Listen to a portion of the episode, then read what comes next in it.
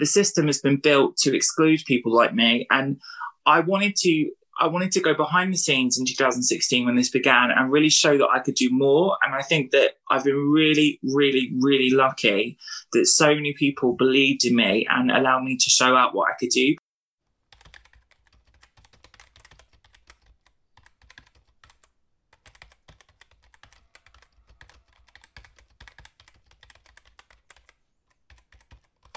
You are listening to the first episode in series 2 of Portrettpodden, a predominantly Norwegian speaking podcast where I, Mats interview people who inspire me, who make me think, and help me better understand the world I'm living in. My next guest is none other than makeup artist extraordinaire Joseph Harwood. Joseph got a start as a model only age 15, he started modeling for Alexander McQueen. He won an online talent competition led by Simon Cowell and was the first ever person under the trans umbrella to win a talent competition of any kind. During the course of this interview, we talk about inspirations, about growing up in Brighton, about being transgender and the transphobia that he's had to endure, about his work with the UN and how he's working to ensure that the makeup industry will have more inclusivity and how he's working behind the scenes to make both the real and the digital world a better place for all transgender people, and much more. All that remains is for me to say that I hope you enjoy this episode, and here is Joseph Harwood.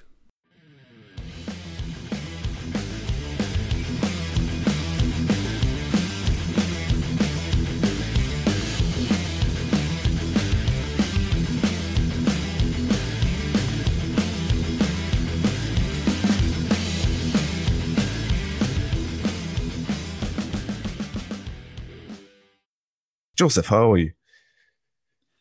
Hi, I'm doing okay. How are you? I'm, I'm, I'm all, all right. The sun is shining. I can't complain. I like the intro. I like extraordinaire, maybe more than makeup artist. well, you, you, are, as we will figure out during this uh, episode, you are much more than just a, in inadvertent commas, just a makeup artist. Thank you. yes.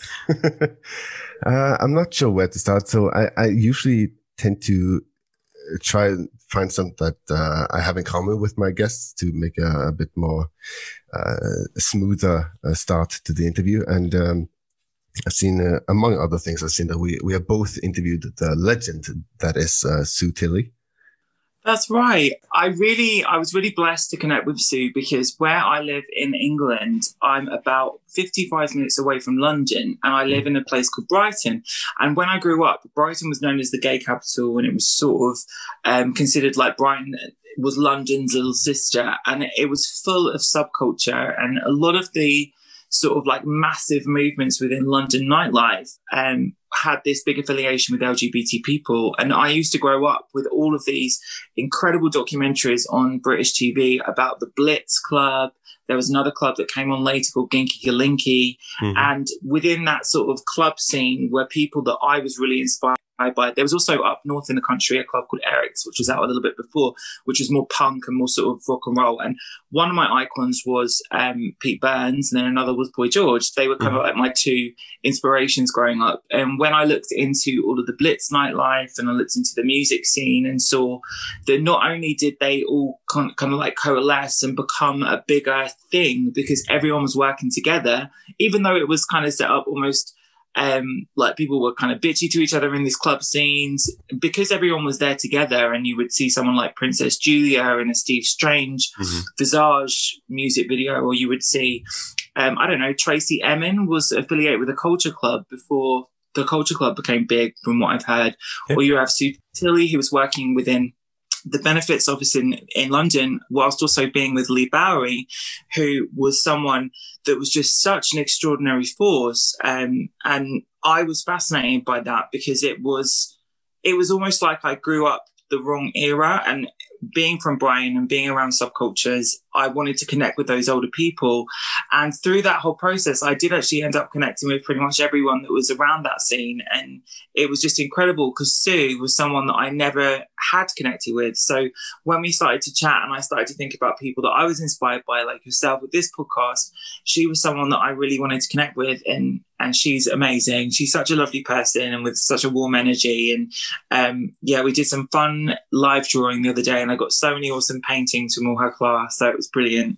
yeah, absolutely. And uh, for all of you listening, you should really check out the live drawing with uh, with Sue and and Joe. Uh, it is not only a, a great uh, way to to get to know Joseph, but uh, he also looks great. Uh, should we mention? Oh, thank you. I wasn't feeling very great that day because I just actually done a photo shoot um, where I had quite graphic eye makeup on, and I normally when I when I go out to try and do a presentation or something, I paint myself as if I I am painting a picture. So I wanted to bring them something that was really really graphic, but then I was told about 25 minutes before I went on, I wasn't allowed to release the pictures before the prove, approval from the brand I was doing the photo shoot for. So I had to quickly swap my makeup around and I felt so out of control. I was like, oh my God, I've not had time to give everyone the best version of me. But it was sweet because everyone did such beautiful pictures and it was more about like capturing me smiling or in the moment. And I really liked that. So it was, it came out okay.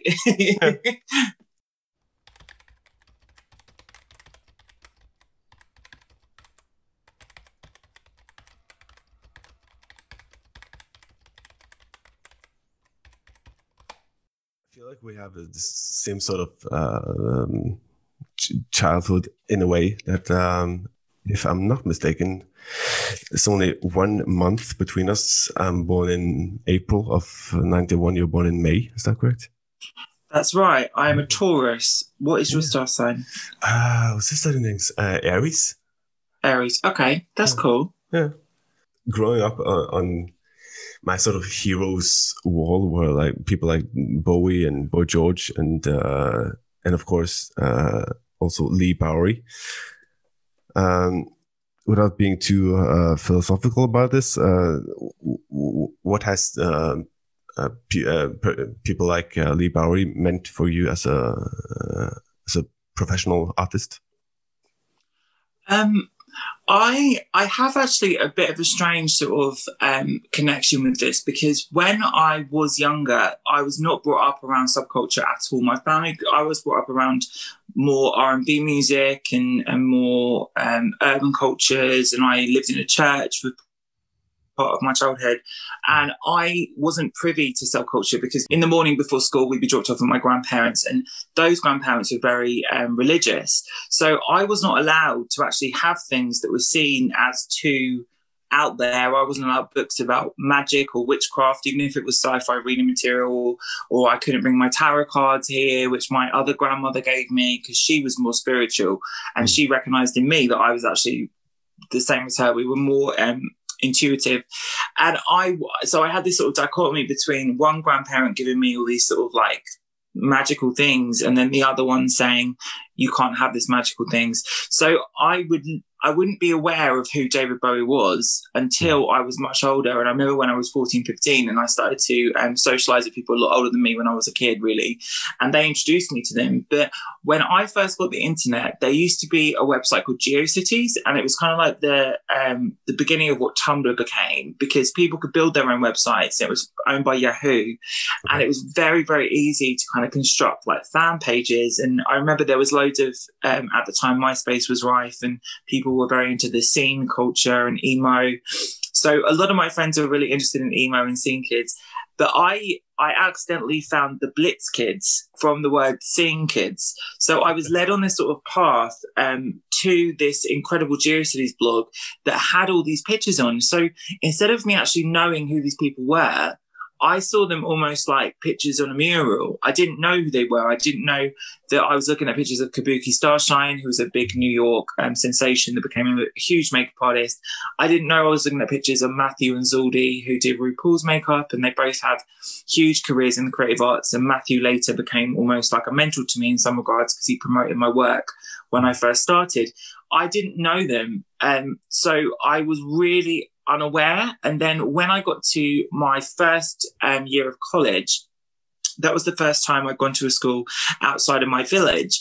And I was socializing with people that were more um, androgynous and more alternative and that were part of the goth and subculture scene of Brighton. And when I started to hang out with those people, um, one of my best friends at the time was really into J pop. So I learned about all of the gothic bands from Japan. Um, another one was more interested in um, heavy rock and screamo. Another one was interested in punk from the 70s. And I started to actually educate myself when I was already established in my own identity. I, I just didn't know much about them. And I didn't discover people like Leigh Bowery until that era of my life. And I started to really look into his incredible artwork. But there has been um, some similarities because he was also part of this sort of Salvation Army growing up, um, mm. kind of being repressed, and then leaving and finding their own way, and then becoming this sort of artist in their own way. And I think Sue was talking about that before um, in the interview we just did, but. I, I didn't really understand the significance. And even when it comes to people like Bowie, who is, I, for some reason, my whole life, people have said I look like David Bowie, and I see no resemblance at all. I can't see anything at all about him that I look like. But I used to have, when I started modeling, they cut my hair like David Bowie. Yeah. And I was like, I, I remember sitting down in the chair and thinking, oh, they've just cut my fringe off. What have they done? they cut my fringe off, and it went up in the air, and I just like mullet for years, and oh, no. it kind of became my first signature style, really. Um, and I didn't, I didn't know anything about how important Bowie was to people until much later. Hmm. Um, but I was really interested in Jane County, who Bowie was very inspired by early on. Um, previously was Wayne County and transitioned pretty early. Jane County was part of the um, the Warhol. She was like the secondary Warhol movement. So she was in all the crazy Warhol live plays and she was part of Stonewall riots. She was someone that went on stage and I think David Bowie and his um, first wife went to see her and then they managed her and she kind of was this energy that kind of fueled the movement of the Aladdin Sane. So I'm not I, I, I like looking into this historically and looking at how all these queer people have influenced pop culture. But again, I, I had to learn about this as an adult. I like to be unaware of these big moments in people's kind of like awareness. So I can come up with my own ideas and it's not from things that people have all been inspired by. Like if, if there's like loads of my friends like something, I won't watch it. Because if I come up with something on my own, I want it to be from my imagination, and not from osmosis, if you know what I mean. Yeah. well, that's uh it's a great philosophy to have, I, I suppose. I'm just unique. I'm, I'm I'm a bit oblivious to most things. I used to think hippos were like the same size as dogs for a long time in my life. I'm, I, am very smart in some aspects, but I'm very silly in others. So there you go.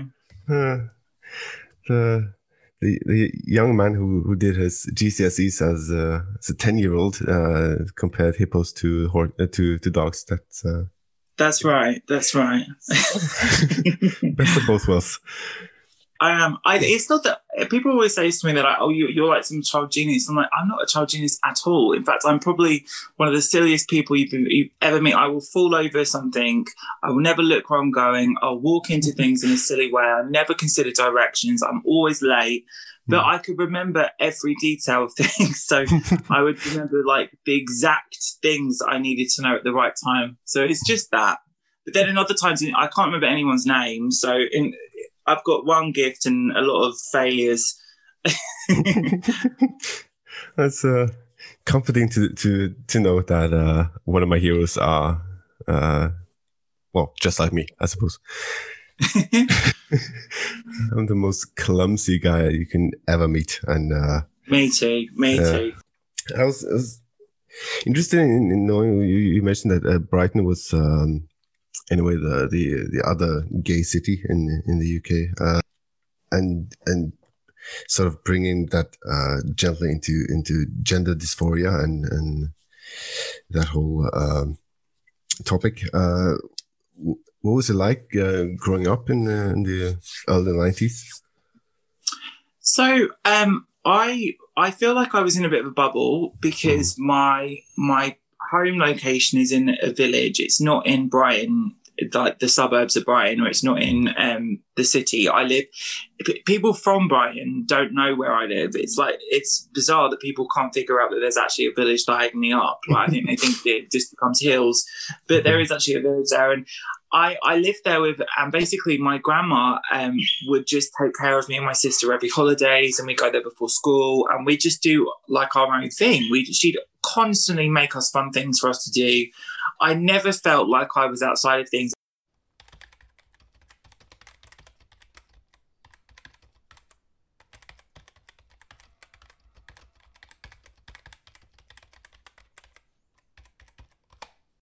When I became aware of different people in, in Brighton. I was 14 or 15, hmm. but I was kind of like blown away that there were so many different types of people and I, I couldn't understand a lot of it. It was quite confusing to me, especially uh, I didn't know anything about the music. So it was very confusing to learn about all this goth music, which I'd never been brought up around. Hmm. I didn't know much about um, just different points of reference. And I had to really relearn a lot of this and, and teach myself more so about how how to integrate with people that were like me because the people like me had almost they'd been excluded from things and then formed their own tribe whereas i'd been kind of kept within my tribe longer than i should be mm. if that makes any sense yeah so it was weird but bright i think brighton was an interesting place for me and it was it was fun for me to grow up in compared to other parts of the country because people were just more tolerant in general. So I'm very lucky for that because I think people were just very embracive of me. Um, even if they can figure out which box to put me in because a lot of people thought, oh, does this person want to be a drag queen? Does this person want to transition? They don't mm-hmm. wear a lot of makeup. They look very feminine naturally. They already transition. It was all kind of that. And I, I just thought, you know what, all of this doesn't make any sense to you. I'm just going to be myself and accept what I do, not what I look like. mm, yeah. I knew very early on that something was very different about the way I looked because I just, my body was more curvy in shape. I had more of a feminine fat pattern.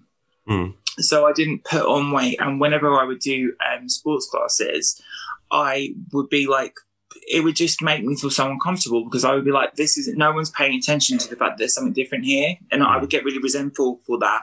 And I remember when I turned about 14, the teacher just said to me, Oh, you don't want to take part in this, just don't worry about it. And then I joined the female class. So the females um, in my school, the girls in my school, were allowed to use the sports facility in the gym, and they were allowed to do other um, different activities. So I just went in that class, and no one even knew that I wasn't a girl. Like they just accepted me when I was 14 as what I was. The teachers couldn't tell the difference. Ever, no one even knew my gender when I was that young. Mm. So it was just like who. It was more I was embraced by people. And even I remember there was a situation where one of these girls um, was trying to be very transphobic to me when I was in school. And all the other girls just rallied around me and defended me. And I never, I think I've been very lucky in that regard because people do take a shine to me. And I think when I've when I've spoken to a lot of my trans sisters and trans friends across the country, it's been so different for people. They've been so through loads of violence and abuse. And I think my differences always were um, complemented externally, if we will. Like in society, people have always been very um, pushed me to do more and celebrating my differences, and I think that's quite rare. But I think mm. that's probably because Brighton is Brighton, and people like sort of the wild unicorns that spawn here. You of course have to um, answer uh, at your at your own um, uh, terms and, and only go go so far as you as you're comfortable with. But um, um, ha- have you uh, suffered a lot of transphobia growing up? Um, I have, yes. Um, I've been constantly sort of. I think the the part that I'll speak about really, because I'm not going to speak so much about my um, younger years yet, because I i have decided to do to speak about that honestly for the first time in a in a different format. But mm. um, the thing that I really, really I found a struggle, and I sometimes get very frustrated with this, is because when I I chose not to be on social media. It was an active decision because I'd already become very successful um, after winning a big contest I won and I mm-hmm. invested in my education. And I thought, oh, this is going to be my really big opportunity because not only have I now been educated in the way to make cosmetics, to formulate cosmetics as a chemist, to talk that language as a chemist, mm-hmm. to do the digital branding, to do the digital marketing, to sell lots of products, which I've done all, all before I even turned 21. Mm-hmm. Um, people assumed on the basis that I was um, the way I, who I am, that I was in some way only fit for being other within their company. I couldn't be um, someone that was brilliant. And I remember because after I won the U Generation competition, I thought, ah, now everyone's going to really realize that I can do makeup better than all these other people and I'm really, really good at my job. Mm-hmm. I remember going for a meeting um, with a management company in the UK. And the first thing the manager company, um, the, the head of the manager said, he said to me, Do you ever do makeup without looking like this? And I was like, what, what does he mean looking like this? And this is when I had really long blonde hair and I, I went there in, in this gorgeous sort of tuxedo jumpsuit, and I just thought, oh, am I being asked the way I'm presenting is is not going to fit them, even though I've got more views or I've done more work or I've had sold out products. But it just it's always been that. And then as soon as I got to about 2015, um, social media became very focused on algorithm and boxes essentially. Mm-hmm. Um, people wanted to um, brand themselves as other because the other box started to become talked about, whether it be Laverne Cox, whether it be um, the American trans movement, whether it be this sort of gender fluid movement that started around this time. Um, Google, to give some behind the scenes, invested in the the agencies in America that look after all the big celebrities. And instead of actually giving people fair chance to earn their kind of position they cherry picked boys in makeup that they could use as salespeople. So in 2014-15 I was with the same manager as the big boys in makeup in America and I worked in America for a year and a half and what they wanted to do is they wanted to have people that they could bring onto social media and say, look, we're being other, we're, we're, we're ticking that box. Mm. But hmm. they didn't want people that actually could compete with their mainstream talent. So what they did is they kind of made it clear that I would have to either be a boy looking like a boy that did makeup mm. or I would have to not work in that area in, in, that area at all because they couldn't they they were pushing this sort of thing that through all the mainstream channels, whether it be on Forbes, whether it be on Time, how difficult is it to be a boy in makeup that's doing this sort of social media career? And it was just ridiculous because none of these people had a career on social media before then. They were being built to do that. And it really actually squashed out all the transgender people that had started the platform because the majority of the makeup artists that were doing it, especially in the UK, have all transitioned or have been on hormones. And it's funny because even when I've met people like Manny MUA, um, who's uh, one of these publicized boys in makeup with CAA, he was like, "Well, you guys were the people that I watched when I wanted to be on YouTube." Yeah. So it's it's always been a case that it's not so much that someone has come up to me within my work role and said horrible things. It's that the system has been built to exclude people like me, and I wanted to I wanted to go behind the scenes in 2016 when this began and really show that I could do more. And I think that I've been really, really, really lucky that so many people believed in me and allowed me to show out what I could do. Because in 2018, I launched with Jessica Blackler a cosmetics line under L'Oreal Innovations, which was trans orientated from my early videos. And we were on Forbes, we were on all these incredible magazine lists, and it really gave me um, the vindication that I needed. But I, I could not do the work I wanted to do in the last three years whilst I was still facing all of this systemic sort of exclusion. It was it was really upsetting to me because I I thought my people don't know my best work yet. People don't know my best. They don't know all the things I can do. They don't know all the talents that I can I can share. They don't know how I can speak or because I was very I was very scared. I was very scared whenever I put content out that people would judge me and I'd I'd be met with this sort of thing that everyone else told me would happen to me, that I'd be met with violence, I'd be met with transphobia. And I think it stopped me from really sharing who I was. And I think that the time I took away from putting content out there where I really did that, people have really got to know me as being this sort of like weirdo that came out of a village that's more family orientated, that loves homely things, that just happened to do all this mad creative stuff. Mm. And now I think I'm feeling more um almost vindicated. I'm feeling more freer to do things that I wanted to do three years ago. Because even if there is transphobic systemic bias and I'm not allowed to be in certain rooms or people are saying to me, would you ever do this, but not in that costuming? I can say to them, well, actually, I don't need your approval because I've got my own force here yeah. to then share things. So hopefully that wasn't a bit, um, it was, I was going around in circles there to explain a bigger problem, but have I experienced transphobia? Yes. Is it in a blatant way? Um, it has been but mm. not in terms of my work. Okay. Sorry to go off a bit there. no, no it's, it's, it's, a, it's a difficult subject to to uh, compress into into a single sentence. So it is, and I I don't think people really realise that it's not just about um, people saying nasty words. It's mm-hmm. that why am I only qualified to create a picture on a week that's about LGBT people for a brand, for example? If that's what my job was as an influencer, and that that would be my only position to work. I can create a picture for a brand in any circumstance, in any content, in any industry, because that's my skill set. So what is the, where is the phobia coming in? Why am I not allowed to do that? And quite often I've been told in meetings, um, that they would only have someone working, for example, within the travel industry, producing LGBT focused content if it's within house.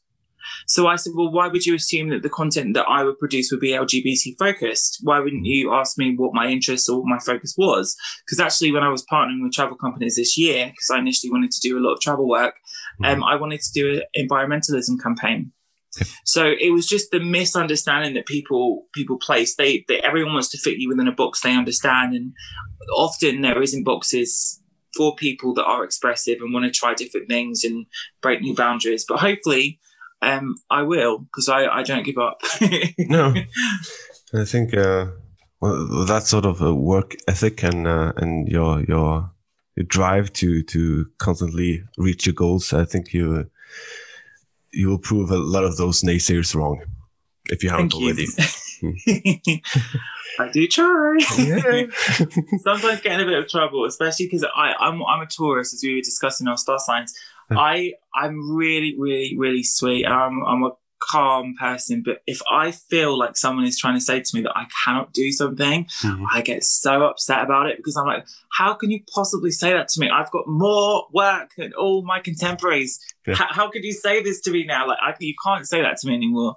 So sometimes uh, people, um, I think, misunderstand my tone in in my um, written posts because I'm I'm not saying it because of any personal ego involved reason. I'm saying it because it shouldn't happen to my younger trans community and my younger um, non-conformist people. I think everyone should just be given the chance to be themselves, and and sometimes it comes out of guilt. I think because I feel like where people do tell me these horrible stories about what they've gone through, and I, I think well, I, I didn't go through that. I went through my own story, but I, I want to defend that person to, to the core. I want them to know that I will always be there to to look after that person and to uh, if I can help someone, I will help them. So yeah. as long as people know that, I will say what I want.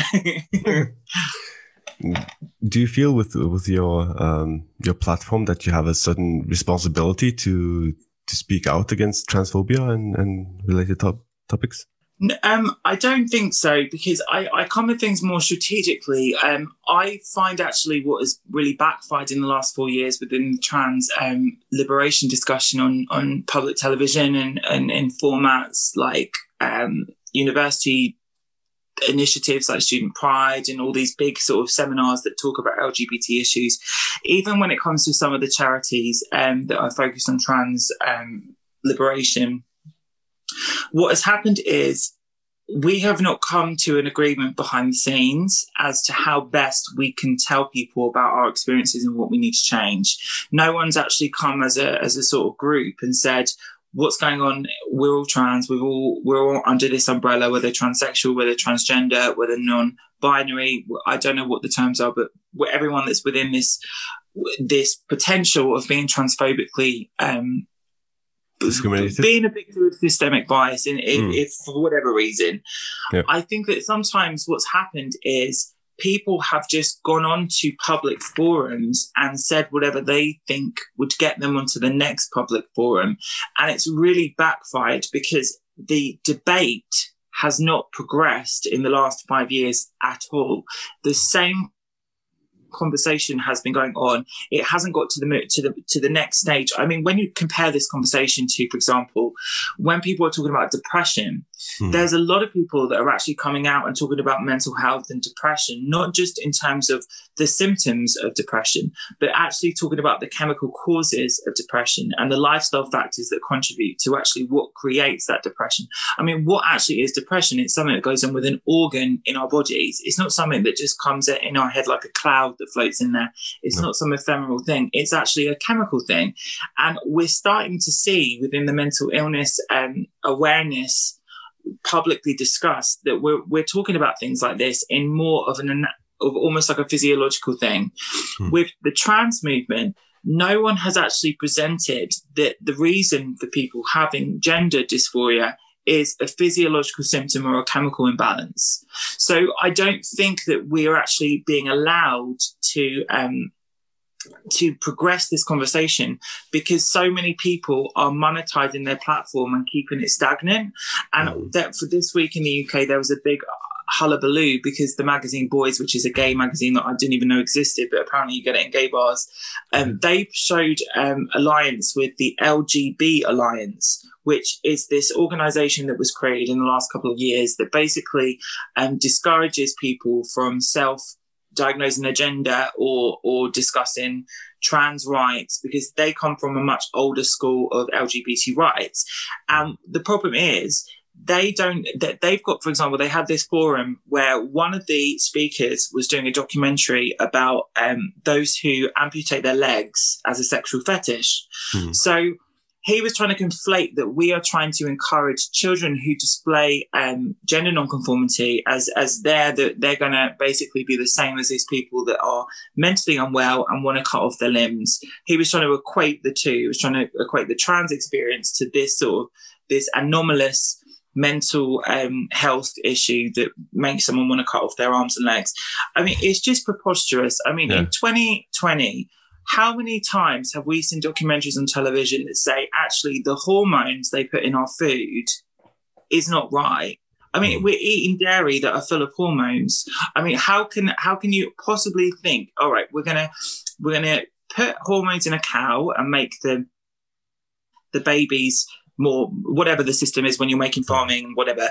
We're eating the hormones. They're going into our bodies. More people are displaying hormone imbalances I did not know what was going on with me, but I knew there was something going on with me. Mm. There was a chemical imbalance going on with me. Now, that is not the same thing. And it, doesn't seem to me like the conversation has been focused around this at all. It feels like everyone's talking about the same social symptoms. And it's like, well, why are we not explaining to someone that's trying to conflate this amputeeism to to transition uh, to, to transgenderism why are we not saying well actually there's there's stuff that goes on here. People could have a chromosomal abnormality. I mean it's not homosexual men trying to be like invade women's spaces. It's people that are in a gray area trying to find some sort of autonomy.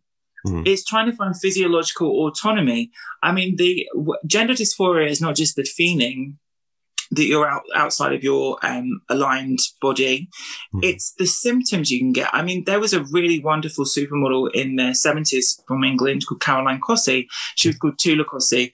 And she went onto TV, and I thought she was doing a fantastic job because what she spoke about is actually discovering that she had a thing called um, chromosomal mosaic syndrome, which is something I have.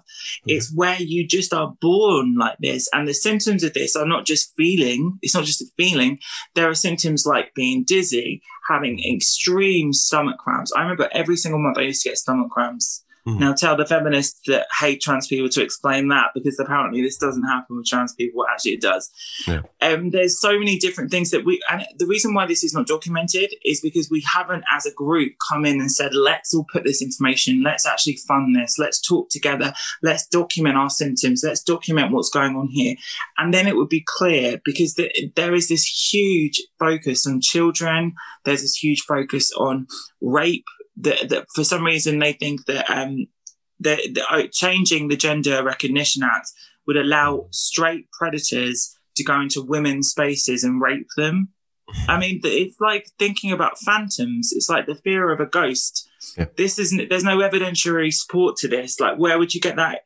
Has there been one or two cases of this, and then a lot of Hollywood budget movies? Mm. There's never been this type of thing. It's it's almost like propaganda that that everyone is working across, and I think that my approach is not to sit here speaking about it in every platform I have because I don't think that people listen. I think the best approach would be to organize ourselves to position trans people in different roles where the world could see them just being great, just being happy, making people laugh. I don't think people, when they're watching the, uh, their morning television and they're eating their cornflakes and they're seeing a heated debate between a TERF and a trans woman, is actually going to make them change their mind about anything. And, and I think that's the approach that's been taken for the last five years. So it's it's been quite tricky for me because I, I really want I don't want to sound like I'm bashing anyone within the trans community because I support everyone that's trans, but I think that we should have done well. Let me take that back. I support people that are trans. If they're a murderer, they can go off a cliff. Yeah. you know what I mean? yeah. I, I I don't want people to think that I'm bashing anyone. Um, I just don't want. I don't think that the conversation has been progressive. I think it's been stuck in this sort of like impasse between people claiming there is no physiological reason for trans and people that are experiencing that there is. And I think that's the conversation that should be happening now. So yeah, I think we should show just being great. And I, I always try and just often when I've gone to um, big events, I'm the only person like me in the room, and I think me being there is great because Okay. it shows that people can do things. But I don't, I don't, I don't actively think that my job is to go out there and talk about it all the time because it doesn't work.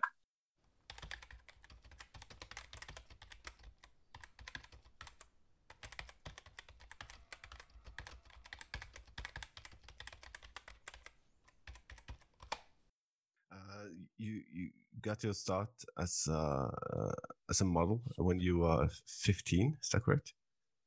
That's right. Um, people started to really take aware. They, they became aware that I was this sort of androgynous thing through MySpace. Um, I had a very big following on MySpace, and I had this stupid alias when I was a kid called Joe VIP, which was just ridiculous. Though I think, what on earth was I thinking? But maybe I had visions of grandeur even then. Um, but I I built this huge following online, and people just they couldn't work out what was going on. I don't think with me because one day I would have like a vampire theme. The next day I would have this David Bowie themed haircut. And people would always stop me in the street and say, Oh my God, would you consider modeling? Would you do this? Would you do a hair show? And I did little bits like that. But I remember I got this big, um, this big email from an editor from Dazed Confused magazine, basically asking me to cast for the first ever Alexander McQueen McQ um, line, which was the dispersion line. And I used to not be allowed to go anywhere. So I used to have to ask someone to come with me at that age. So I eventually, all my friends said they couldn't come. So I, I asked my mum and she took me and she said, yeah, well, that's really good. That's a big, that's a big designer. Yeah. And I started to model from there. And I was asked to do the cover that Luke Worrell got for Dazed Confused, where there was half prep, half goth. And initially, what they wanted to do is half girl, half boy. Mm. And I would have gone off and probably been a bigger model than I became if I'd have agreed to that. But I actually said no because I wouldn't take my top off in the casting. Mm. So, um, yeah, so that was my start. Yeah. But I did lots of random things. I was in Fashion Week the first time when I was 16, I think. And I went to Tokyo to model and I did some catalogue there, which was really good for me because it gave me confidence to travel. And I was there when I was 17. Most 17 year olds, I, I know they, they spend most of the time in their in their bedroom dreaming. well, I was in a strange bedroom. I was in a thing called a ryokan, which is a rice paper inn.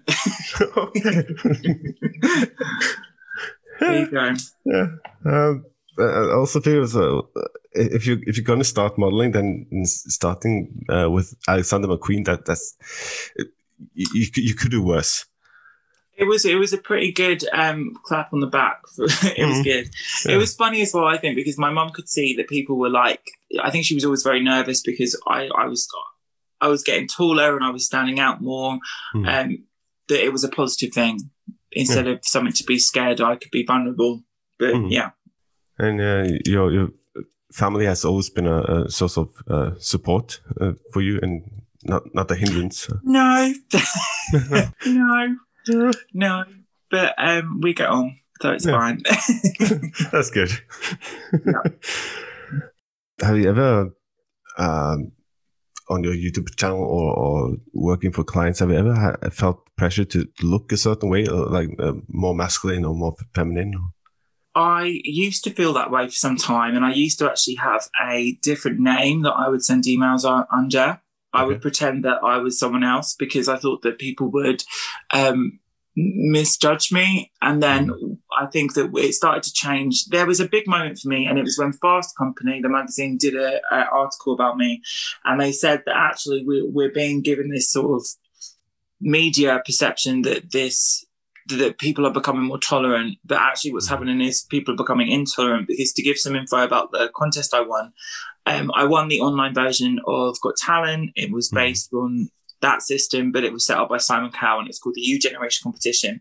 And they put so much energy into branding um, a makeup artist to win. And basically, they set the contest up to let the makeup person win. And out of 12 categories of talent, I was the one that won the makeup category. And it was not through their choice, it was because they brought in external judges. Mm. So when I won, um, I actually found out before the contest was over. I got an email from Sony that said, "Oh, by the way, don't say anything publicly yet because we haven't finished the contest. So it means that the last category was almost excluded from consideration, okay. but you are the winner and you're going to receive the grand prize, which was a monetary prize." Mm-hmm. And it, as soon as they announced it on Twitter, um, they basically took the whole platform down. So all of the work and all the footage and everything that was to do with this contest is now gone. And hmm. people have only, they only remember certain viral clips from it. Like, for example, um, the British pop band Little Mix did yeah. an accent challenge and the, one of the girls was like doing um, a Jamaican accent and she couldn't speak in patois. So she, it went a bit crazy and that went viral. And they were focused more on promoting images like that than they were of me as the winner. And it, it feels like, um, everyone's been told that oh we're look at we we're all inclusive now we've got drag queens on mainstream tv blah blah blah blah blah. But actually when it comes to it there's not that inclusion because the, what they should have done is said we've just got someone that's under the trans umbrella that's won this contest. This is amazing. Look what they can do. But they weren't actually willing to allow me to do that. And i think when fast company actually wrote about this article everyone started to actually get that there was work to do still. And i started to get more um, mainstream commercial recognition for the first time. But it was like it was like a weird thing because I remember I, I, just moved out of my home. It was almost like this bubble had popped. It was I can't describe the feeling of it, but it was like that that whole week. It was like a bubble popped, and everyone started to be like, "Oh my god, that shouldn't have happened to you! Oh my god, that shouldn't have happened to you! Like, mm. why did that happen to you?" And then now, I think people have started to um, they you it's undeniable that I can do all this work now. So people have, I no longer have to tied to people under an alias and, and say it's my assistant or uh, I'm just part of the work team when it's all me. I am the photographer, the, the, editor, the person that does the work. I, that's all me. Mm. Uh, now I, I will just be honest about it. But it, it, was hard for some time. It was hard. Yeah, I can imagine. Um, well, I, I, remember watching a few of the the, the clips that went uh, went viral on on YouTube, and what I always I felt like I was I was getting worked up about the fact that the, the first person ever under the trans umbrella has won a talent competition, and the only thing you're focusing on is a British girl band.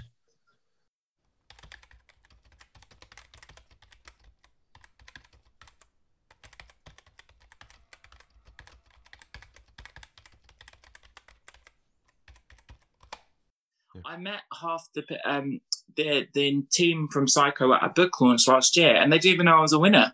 And I was mm. like, you, you, guys gave me like this huge cash prize. The people that work in your offices don't even know I'm a winner. I've never even had a meeting with a Syco person. Okay. And it was just like this, the whole it was like, let's hide this. Let's not make this a big thing because if we make this a big thing, then other people will get the idea and they can do it too. And I think for me, I've always, uh, if you're going to tell me, this is where I get my defensiveness from when it comes to this sort of thing. I wanted to make it into a bigger thing than, than I could do so I took all the footage I had, and every single time I had a client opportunity after 2015, I was like, "Look what I did! Look what I did! Look what yeah. I did!" So they couldn't they couldn't minimize me. No, so, it's terrible, but I, I, well, it's not terrible. I did what I had to do.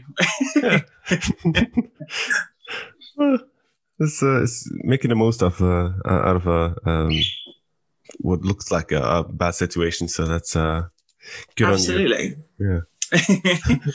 I also think that uh, well, 2020 has been a difficult year for everyone, of course, but I also think that we we still have a long way to go. Well, I was reading a few articles, doing research for this interview, and for example, uh, people go crazy when when Johnny Depp or, or David Beckham wears a bit of eyeliner. Um, that's that, that's a huge uh, story, and it's it's more focused about, oh my god, look, it's a man in makeup, and not not the reason why or the story behind it. Uh, so, do, do you think? Do you still think there's a, a sort of a, a stigma uh, around uh, men wearing makeup? Um, I do think there's a stigma around men wearing makeup. Um, but the, what's happened is that the rose tinted glasses of show business has lifted since reality television and social media. So what what people didn't know the whole time is David Beckham in every interview was wearing a full face of makeup and a contour, but it looked like boy makeup on TV, so they couldn't tell. Now people are being able to tell, and I think that people are looking at things like um, male non-surgical treatments like Botox or hair transplants. This stuff is becoming more common, and I don't think people have a stigma about it so much. But then it's it's like depending on on what on what part of the world you're in, there's still some catching up to do in certain places. But you can't you can't say to people, look, these people are gorgeous, and then you realize they've had an unfair advantage this whole time, and then expect people to go, oh, like like they want to have it too. They want to have the cheat codes too. so it's there's still that bit of it. I think that sometimes though um, the problem with this whole movement of people getting these corrective procedures is they're actually using their phones, which is a very tiny aperture camera, as their mm. mirror. Oh my god, the amount of strange lips that I've seen in the last two years. People are looking like cod and catfish coming down the road sometimes, and I'm thinking to myself, they have not seen themselves, have they? They they cannot possibly see themselves from the side. Mm. So hmm. they saw themselves from the side on a proper mirror, they'd be like, get that dissolved, stat, yeah. looking like Daffy Duck. Goodness sake. so it's that I think people have gone a bit crazy, but it's they're using their phones. It's almost like a filter, pun intended. And we, we, we talked about it. You, you've also mentioned that you're, you're working a bit more uh, behind the scenes these days, um, and you're also uh, uh, heavily involved in, in uh, not just the, the the the glamour uh, makeup videos of, on YouTube, of course, but also in the the makeup industry as a whole. Um, and you're you've also been more involved in in in, in creating more in, in inclusivity in in the makeup industry. That's right. Um, I I was really inspired by brands and and the people behind the brands like brands like Serge Lutens, mm-hmm. who was just a pioneer. Like people don't realize that he was the graphic designer and he, took all his pictures before there was digital, first and foremost. Mm-hmm. All of those beautiful artworks that people know are iconic, all those old Shiseido adverts that I've just paid tribute to um, this week all of that was done before computers. And he was someone when when I went to Paris for the first time, I got his book and it said, look, they call Serge the photographer or they call him a perfumer, but he does everything. He did the makeup, he did this. He was almost like a renaissance artist. Mm-hmm. And I I've always thought, okay, that's that's me. That's what I want to do. I want to do every element of this. And Mathu Andersen, who did RuPaul's makeup, was again a photographer. He was a hair maker. He was a makeup artist. He directed the music videos. He did all the the famous pop music videos like No Scrubs, TLC, or Janet and Busta, like all those elaborate makeup looks. Mm. And I've always thought, why can't why can't some people who are gifted at that just be allowed to do it all? And I think in my role, um, sometimes it's just been a case of these companies are catching up with what they should have been doing the whole time, which is offering support and being inclusive. I mean, sometimes I, I just look at them all like they're completely deranged because they, they I, I, went to a, a, meeting about mascara and they said, well, how can we make our mascara um, project more inclusive? And I said, well, aside from employing all people based on what they can do and not just because they look the part, yeah everyone has eyes. Everyone has eyelashes. Like you don't need to have like certain genitals to sell mascara. For good's sake, you just put them on the eye. So I was like, "What? This is this stuff is obvious." Like quite often, if you go to a supermarket like makeup counter or even just in a in a department store, they'll have a close up of an eye. Hmm. Whose eye? It's like yeah. you could just be inclusive. It's an eye, for God's sake. Right? Unless hmm. someone's got three eyes and you want to make a particular brand of it, who knows? But it's like I think some people it's just giving people the obvious, and um, I love going to brands. Like I did this huge masterclass project with the brands um, and they licensed all Jean Paul Gaultier, Christian Louboutin Cosmetics, Charlotte Tilbury, all different things. They um, wanted me to do their their yearly seminar thing, and I hosted ten ateliers. So I did half of them in Paris and half of them in Barcelona. And in Barcelona, it was like they couldn't believe it. They kept asking me to show them my my YouTube videos, and I was like, "These people, how, how have they not seen this?" But then I think there probably wasn't like a Pete Burns on on Barcelona TV ten years ago or whatever, and No. they were just they got up and I got a round of applause every time I showed a video or a picture of myself, and I was like, "Oh my god, this is weird. this is really weird." They're not listening to me about inclusion, but they're clapping at my pictures. so it was it was weird, but I, I like doing stuff like that because again, if I'm there, then they won't forget that you can just put people like that in the room. Well,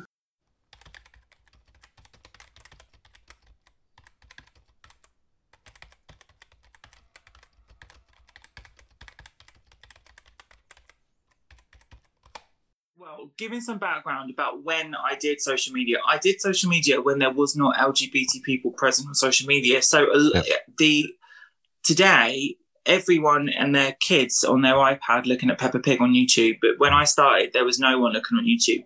So when I when I would get videos, it would almost be like let's just say there's a million people that use YouTube when I did a video.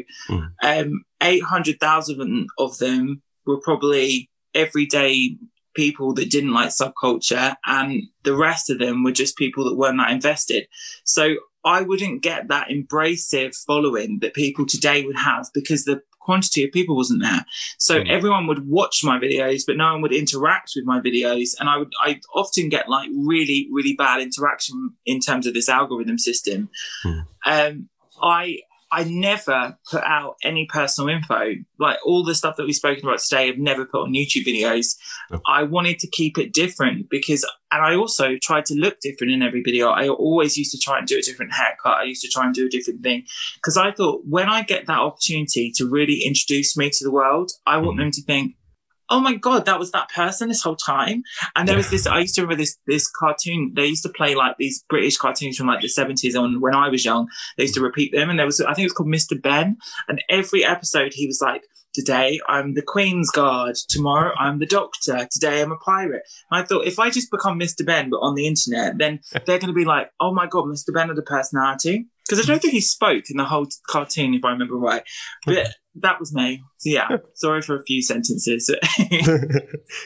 Well, to, to me, uh, looking at uh, your your uh, videos on YouTube has helped me through through a, a lot of um, bad stuff, and also on on on my my good days. Um, I, I, I almost Oh. think think of you like the like the the, the Doctor Who of uh, makeup videos on on YouTube. Uh, you I will take that. I will take well, you're you're you're, you're, last doctor because I wasn't too keen on her, but I'll go with Uh. David Tennant. I liked him. yeah, it's the greatest.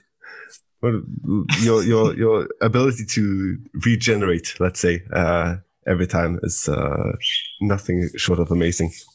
I'm going to tell my partner that when I get off the phone. That's lovely. Thank you. Yeah, you're welcome. and it wa- wa- was also um, really impressive, and uh, we'll, we'll start to to uh, end our segment here. Um, is that you not only used your your, your platform in in uh, well speaking about uh, important things, but also also showing uh, that. Uh, uh, trans people are more than just a stereotype um, in in the media. Uh, and among other things, worked with uh, with the UN and uh, little by little, little, and and you using your Yes. platform as it were to to create a, a, a better world.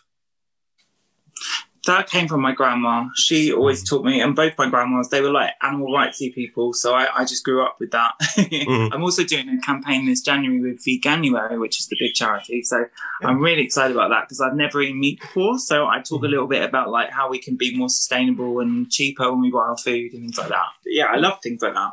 And if Thank you're, you guys for saying all that nice things. well, you're welcome. Uh, that's why I bring people on just just to give them compliments and ask a few questions. oh, come on again.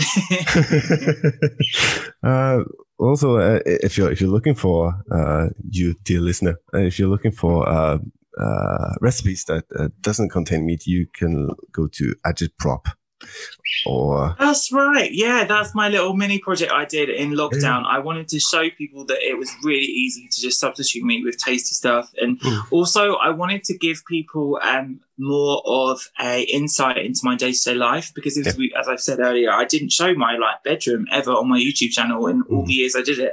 So I thought if I show you my house in France, or I show you my house in Brighton, or I show you my house here, or my studio, people can see like where I get all my ideas from, and it's not just I paint pretty pictures and, and I make pretty videos. I, I can do it with all different things. I love decorating homes. I love creating food. I love traveling. I love learning new skills. So check it out. It's agitprop.world. And it's agit with a G. So agitprop.world.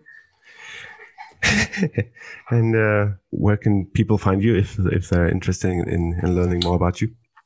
Sure. So my name is Joseph Harwood. No, I'm not on OnlyFans. It is not Hardwood. It's Harwood. Just FYI, because I know the girls get it confused sometimes. It's a big I'm- difference. It's just Joseph. Yeah, it's but um, I am josephharwood.com and all my links will be there. And I wanted to give you guys and everyone listening to some insight into my work. So if you wanted to look into the agitprop stuff, you can go that. But if you wanted to just see the work I do every day, it's just at my website. You can always reach out to me and I'm all over social media, just twittering away or posting pictures. So check me out. You have been listening to an episode of uh, Porträttpodden, a podcast with me, Mats Rosangos, and my guest at this time was Joseph Harwood. I hope you've enjoyed this episode, and if you have any feedback, I would love to hear from you. You can find Porträttpodden on Facebook. Porträttpodden works in accordance with the Code of Ethics of Norwegian Press. I want to thank you for listening, and I hope you'll be back listening to another episode of Porträttpodden very soon.